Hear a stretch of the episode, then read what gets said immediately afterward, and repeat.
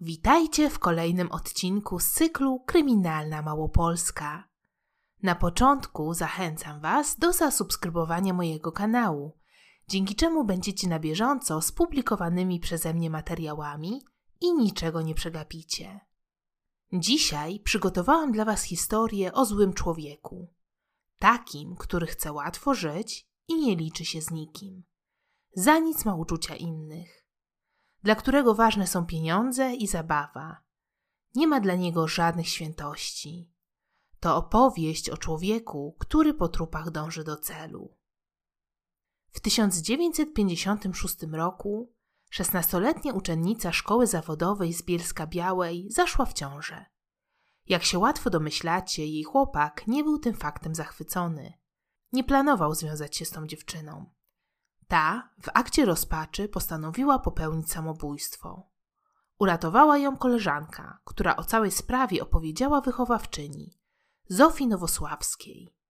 Kobieta miała 47 lat i mimo wielu starań nie doczekała się z mężem wymarzonego potomka. Postanowiła pomóc dziewczynie. Namówiła ją, żeby zamieszkała w jej domu i urodziła dziecko.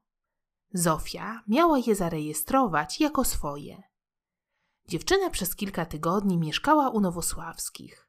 Poród odbył się 5 grudnia 1956 roku i odebrała go wtajemniczona położna. Na świat przyszedł Andrzej.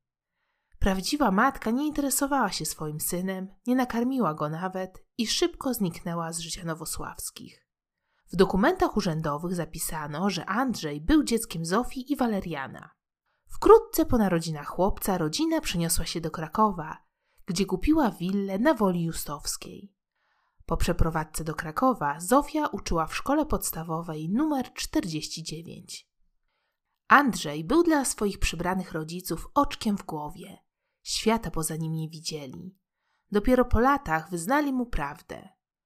W szkole podstawowej Andrzej radził sobie dość dobrze, ale miał problemy z zachowaniem.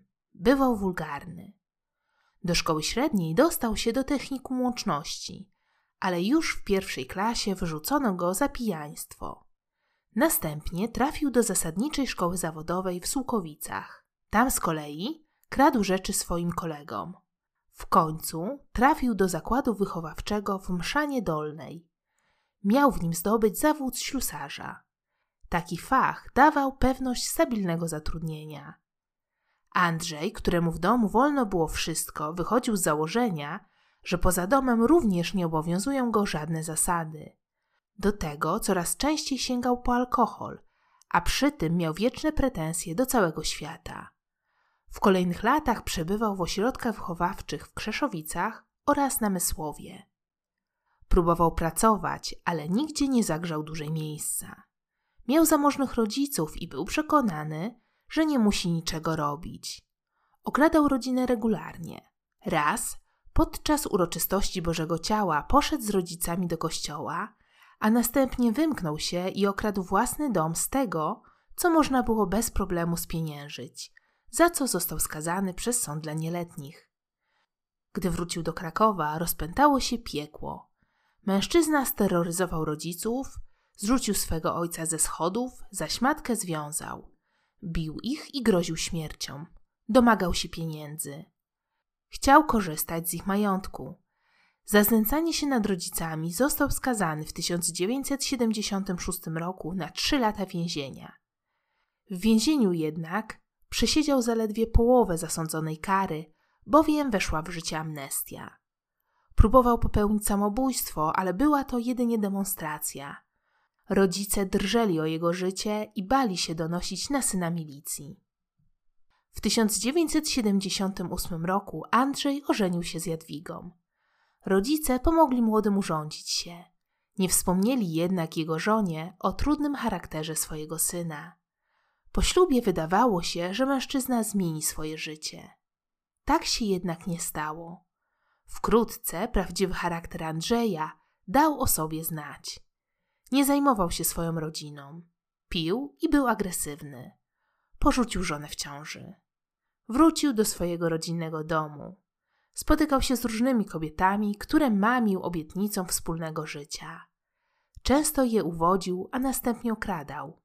Jedną z nich była Krystyna, z zawodu kucharka. Andrzej zataił przed nią, że jest żonaty. Zawrócił dziewczynie w głowie tak bardzo, że ta opłaciła zapowiedzi w swojej rodzinnej parafii. Andrzej regularnie wyciągał od dziewczyny pieniądze. Gdy ojciec mężczyzny dowiedział się o romansie syna, wyjawił prawdę o swoim synu Krystynie. Ta jednak żyła zaślepiona miłością do ukochanego i liczyła, że się rozwiedzie. Przekazała mu nawet na ten cel znaczną sumę pieniędzy. Miłość nie minęła nawet wtedy, gdy Andrzej okradł siostrę Krystyny. 27 grudnia 1982 roku w wypadku samochodowym w pobliżu domu zginęła matka Andrzeja. Ojciec został sam z dorosłym synem. 30 marca 1983 roku Andrzej powiedział Krystynie, że jego ojciec zmarł. Nie był przekonany, czy był to zawał, czy udar. Prosił kobietę, żeby ta w razie przesłuchania na milicji mówiła, że miał z nim dobre relacje i nie planował się go pozbyć. Po czasie tłumaczył, że tylko tak powiedział i chciał wzruszyć Krystynę. Kobieta dała mu pieniądze na trumnę. Wtedy ojciec jeszcze żył i nie przewidywał, co jego syn szykuje dla niego. Andrzej zawierał znajomości z ludźmi z marginesu, przestępcami i pijakami. Takim człowiekiem był Zdzisław Grossman z Kołobrzegu, z zawodu rybak, wielokrotnie karany. Andrzej poznał Zdzisława na rynku kleparskim, kiedy ten sprzedawał fanty. Razem ze Zdzisławem po kraju jeździła Beata Sowa-Starnowa, matka dwójki dzieci. Wspólnie kradli, by mieć środki na alkohol. Do grupy należał też Roman Pacierz z Kielc z zawodu kierowca. Z czasem dołączyli Zbigniew Rzadkiewicz, pseudonim Krzak z Kutna i Kazimierz Pokora, pseudonim Kolumb, spod Ostrołęki. Nie mieli oni stałej pracy i nieraz wchodzili w konflikt z prawem. Wspólnie planowali dokonać napadu rabunkowego na bogatego gospodarza z okolic Kielc. Jednak po nieudanych próbach zrezygnowali. Gdy grupa przybyła do Krakowa, Nowosławski zaproponował im zabicie swojego ojca. Andrzej wiedział, że ten planował go wydziedziczyć i ustalił już spotkanie z adwokatem. Mężczyzna nie zamierzał zrezygnować z majątku rodziców. Postanowił działać. Znalazł nawet kupca na willę.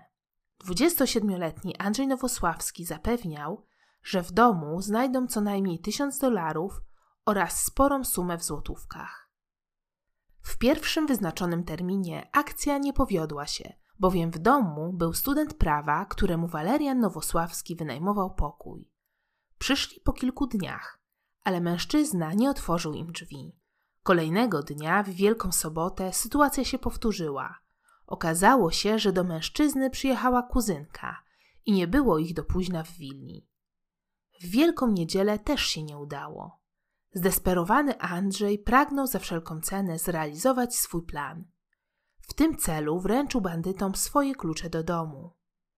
Była noc z 3 na 4 kwietnia 1983 roku, z pierwszego na drugi dzień świąt wielkanocnych.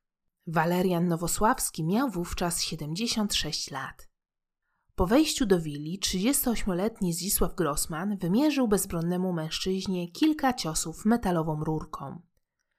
Co najbardziej mnie zdumiewa to to, że przedmiot ten otrzymał od Andrzeja. Następnie Zdzisław dusił mężczyznę, a pomagał mu w tym Kazimierz Pokora. W domu nie znaleźli obiecanej fortuny. Zrabowali zaledwie 9 tysięcy złotych. Zabrali radio, srebrne łyżeczki, zegarek i butelkę miodu pitnego. Do morderców wkrótce dołączył Andrzej. Wspólnie wypili po kieliszku wódki przy zwłokach Waleriana. Andrzej umówił się z nimi, że po sprzedaży domu da każdemu z nich po 400 tysięcy złotych. Mieli się spotkać trzy tygodnie później we Wrocławiu. Mordercy postanowili uciec do Tarnowa. Andrzej zeznał, że do domu wrócił o trzeciej w nocy. Wcześniej odprowadził Krystynę na dworzec. Tam okazało się, że autobus już odjechał. Potem zaprowadził dziewczynę do jej siostry. Po powrocie do domu w przedpokoju zobaczył ojca, który leżał w kałuży krwi. Sprawdził, czy ojciec żyje. Chciał zadzwonić na milicję, jednak przewody telefoniczne były przerwane. Mężczyzna wybiegł z domu. Na ulicy zatrzymał przypadkowy samochód i z budki telefonicznej zadzwonił na pogotowie. Na ten dzień miał alibi. Najpierw spotkał się z dziewczyną, a później kupił wódkę w okolicach baru Smok. Pił statkiem pseudonim Cieniawa. Próbował przekonywać śledczych, że gdy wrócił do domu, ojciec nie żył. Przyznał milicji, że był złym synem, ale jednocześnie zapewniał, że morderstwo nigdy nie przyszłoby mu do głowy. Milicjanci byli innego zdania. Przede wszystkim dlatego, że Andrzej miał motyw. Po drugie, jego przeszłość nie świadczyła na jego korzyść. Nie tylko milicja uważała, że Andrzej zamordował ojca. Do willi przyszła jego żona Jadwiga i na widok zwłok krzyknęła: O Boże, co on zrobił? Kobieta nie miała wątpliwości, kto stał za śmiercią jej teścia.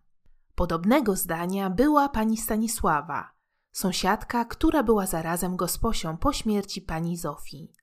Zeznała ona, że Andrzej domagał się od rodziców coraz większych sum pieniędzy. Ona sama dała mu dwa tysiące złotych, żeby go uspokoić. Do tego siostra Zofii, Bronisława, przypomniała o licznych próbach otrucia. Okazało się, że Andrzej dosypywał rodzicom środki nasenne do zupy. Nie bez znaczenia była też sprawa testamentu. Ojciec zamierzał wydziedziczyć swojego syna. Wiedział o tym student prawa wynajmujący pokój u rodziny. Początkowo Andrzej próbował przekonywać śledczych, że nie wie, kto mógł zabić jego ojca, bo on nie miał wrogów i był powszechnie szanowanym człowiekiem. Szybko jednak został zdemaskowany. Wtedy twierdził, że mężczyźni mieli jedynie okraść jego ojca. Podczas przesłuchania nieoczekiwanie Andrzej poprosił śledczych o coś do pisania. Opisał, że Zdzisław wraz ze swoimi znajomymi mieli jedynie ogłuszyć jego ojca, a sam Andrzej miał się zjawić i go uratować. Liczył, że wtedy ojciec spłaci jego długi. Rozpoczęły się poszukiwania grupy. Zdzisław Grossman oraz Kazimierz Pokora zostali bardzo szybko zatrzymani w Kołobrzegu. Reszta wpadła dwa miesiące później. 27-letni Roman Pacierz, 28-letni Zbigniew Rzadkiewicz oraz 24-letnia Beata Sowa. Specjalnie podaje ich wiek, żeby pokazać, że ludzie ci mieli całe życie przed sobą. Byli młodzi i do szpiku kości zdemoralizowani. Podczas napadu wykazali się dużą brutalnością. Proces rozpoczął się 28 grudnia 1983 roku. Na ławie oskarżonych zasiadła sześcioosobowa grupa przestępcza, której zarzucano bezpośredni lub pośredni udział w morderstwie na zlecenie. Nowosławskiemu postawiono zarzut ojcobójstwa, Grossmanowi oraz Pokorze działanie z chęci zysku i na zlecenie, wspólnie i w porozumieniu. W procesie oskarżał prokurator Andrzej Jędrzejczyk. Podczas jego trwania korzystano z opinii łącznie ośmiu biegłych psychologów i psychiatrów. Sąd wojewódzki w Krakowie orzekał w pięcioosobowym składzie trzech ławników i dwóch sędziów zawodowych Józef Korbiel i Maria Trojanowska. Wyrok zapadł 28 maja 1984 roku. Uznano winę wszystkich oskarżonych. Andrzej Nowosławski i Zdzisław Grossman zostali skazani na śmierć. Roman Pacierz i Kazimierz Pokora otrzymali karę 25 lat pozbawienia wolności. Z kolei Zbigniew Rzadkiewicz 15 lat, a Beata Sowa 13 lat. Sąd w uzasadnieniu wyroku określił czyny popełnione przez oskarżonych jako odrażające i nie znalazł żadnej okoliczności łagodzącej. Po odwołaniu do Sądu Najwyższego ten zdecydował się zmniejszyć wymiar kary jedynie Romanowi Pacierzowi z 25 na 15 lat. Wyroki śmierci zostały utrzymane w mocy z uwagi na to, że oskarżeni popełnili czyn, który miał wyjątkowo odrażający charakter i byli w najwyższym stopniu zdemoralizowani. Zaś ich działanie miało charakter bezwzględnego polowania na starego i bezbronnego człowieka. Rada Państwa nie skorzystała z prawa łaski. Wyroki śmierci wykonano w czerwcu 1985 roku na Montelupich w Krakowie. To wszystko, co przygotowałam dla Was na dzisiaj. Jeśli chcecie, żebym nagrywała inne historie, dajcie łapkę w górę i subskrybujcie mój kanał. Pod filmem zamieszczam Wam źródła, z których innymi korzystałam. Jeśli znacie tę sprawę i macie jakieś informacje, o których nie wspomniałam, koniecznie piszcie w komentarzach poniżej. Zapraszam Was również na Facebooka weekendówmałopolsce.pl i na Instagram. Linki zostawiam w opisie. Do usłyszenia w kolejnym podcaście z cyklu Kryminalna Małopolska.